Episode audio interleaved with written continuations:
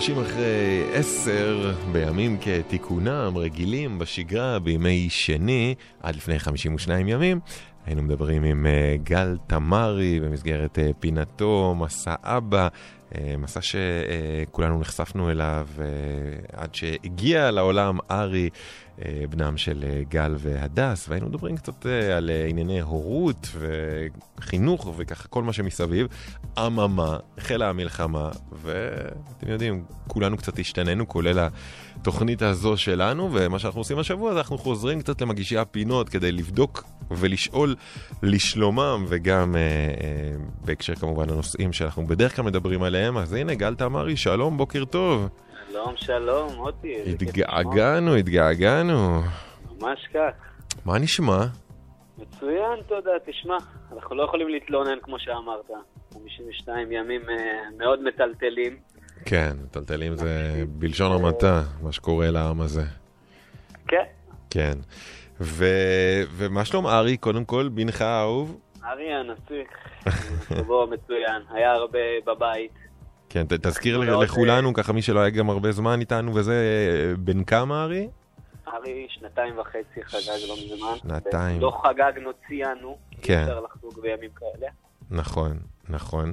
ואיך ילד בגיל שנתיים וחצי מעביר תקופה כזאת שכמובן הוא לא מבין לגמרי, אבל מצד שני, הוא, אני מתאר לעצמי שבפרקים מסוימים הוא הבין שמשהו לא טוב קורה. הוא מבין שמשהו שונה, שהוא פתאום נמצא במשך חודש ושבוע בבית. כן. ומבין שפתאום יש זיקוקים, אנחנו קוראים לזה זיקוקים, וצריך להיכנס לחדר, זה דברים שהוא לא רגיל, וכמה שהם מנסים לשמור עליו, והמעטפת, כי הוא באמת בגיל שעדיין אפשר... אה, עוד להדחיק אצלו קצת את הדברים האלה, שלא ישאיר לו צלקות. הוא עדיין, עדיין מאמין לכל מיני סיפורים שממציאים, כן. זה העניין, כן. הוא, הוא מזיקוקים, הוא יודע שצריך להיכנס הביתה. כן. ביום העצמאות שלא ירוץ לנו שם. נכון. אה, אבל אתה יודע, מנסים כמה שיותר לשמור עוד על התמימות הזאת שקיימת. כן. מול כל מה שרואים, משתדלים לא להכניס טלוויזיה יותר מדי הביתה, חדשות. מצליחים, כי אתה יודע, בעיקר בשבועיים הראשונים, דיברנו על זה הרבה כאן גם, עם אה, ככה כל מיני אנשי מקצוע, שכולנו מבינים את המשמעות של אה, לראות טלוויזיה כל היום, בטח בטח ילדים, אבל מצליחים באמת אה, להרחיק לגמרי את המכשיר, את החדשות האלה, בעיקר בימים הראשונים של המלחמה? בימים הראשונים כולנו היינו צמודים למסך, השתדלנו באמת לתת לו לעשות פעילויות אחרות, שהמסך... לא יהיה מולו באמת, mm-hmm. אבל לא פשוט, נשמע, הוא שומע אותי ואת הדס מדברים, והוא שומע מסביב, ו... ובגיל הזה הם כמו תוכי, הם כל דבר שאתה אומר, הוא פתאום אומר, הוא שומע רעש, הוא אומר, היה יירוט. וואו. לא הבנתי מאיפה הגיעה המילה הזאת בכלל. וואו. או כן, או, זה פשוט דברים שאתה אומר, ילד בגיל שנתיים וחצי לא צריך לדעת את הדברים האלה, לא צריך להתכסות בממ"ד ו... ממש. זה לא צריך לקרות הדבר הזה. לגמרי, וברמה הפרקטית, תקופה מאוד מאוד ארוכה הוא לא היה אה, בגן, במסגרת כמו הרבה מאוד אה, אה, ילדים. כאן בירושלים צריך לומר שיחסית חזרנו הרבה יותר מהר משאר המדינה, אבל אצלכם לקח גם קצת זמן, אז אה, ספר מה... ספציפית גם לא היה מרחב מוגן או ממ"ד, אז אה, לא, לא יכלנו להרשות לעצמנו לשים אותו במקום שהוא לא מספיק מוגן. כן, אז, אה, אז איך ברמה הפרקטית, איך מעבירים כל כך הרבה ימים? אה, ברמת התעסוקה, זה, זה לא פשוט. עם המון המון סבלנות. אה, תראה, הדבר הכי פשוט זה לשים אותו מול המסך כל היום, וזה, אבל אני לא מוכן לעשות לו את זה, אני לא בייביסיטר. כן. אה, אבל אה, משתדלים ליצור לו כל מיני פעילויות שונות ולעשות איתו דברים אחרים.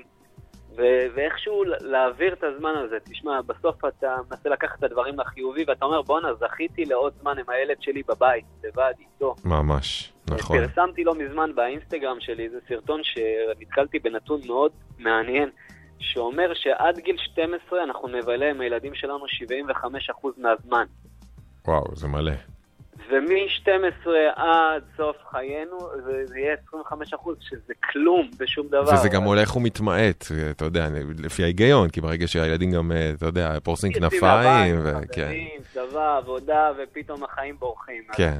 אתה מנסה לקחת את הדברים הטובים האלה ולמצוא את הרגעים האלה ובאמת ליהנות מכל רגע מהם.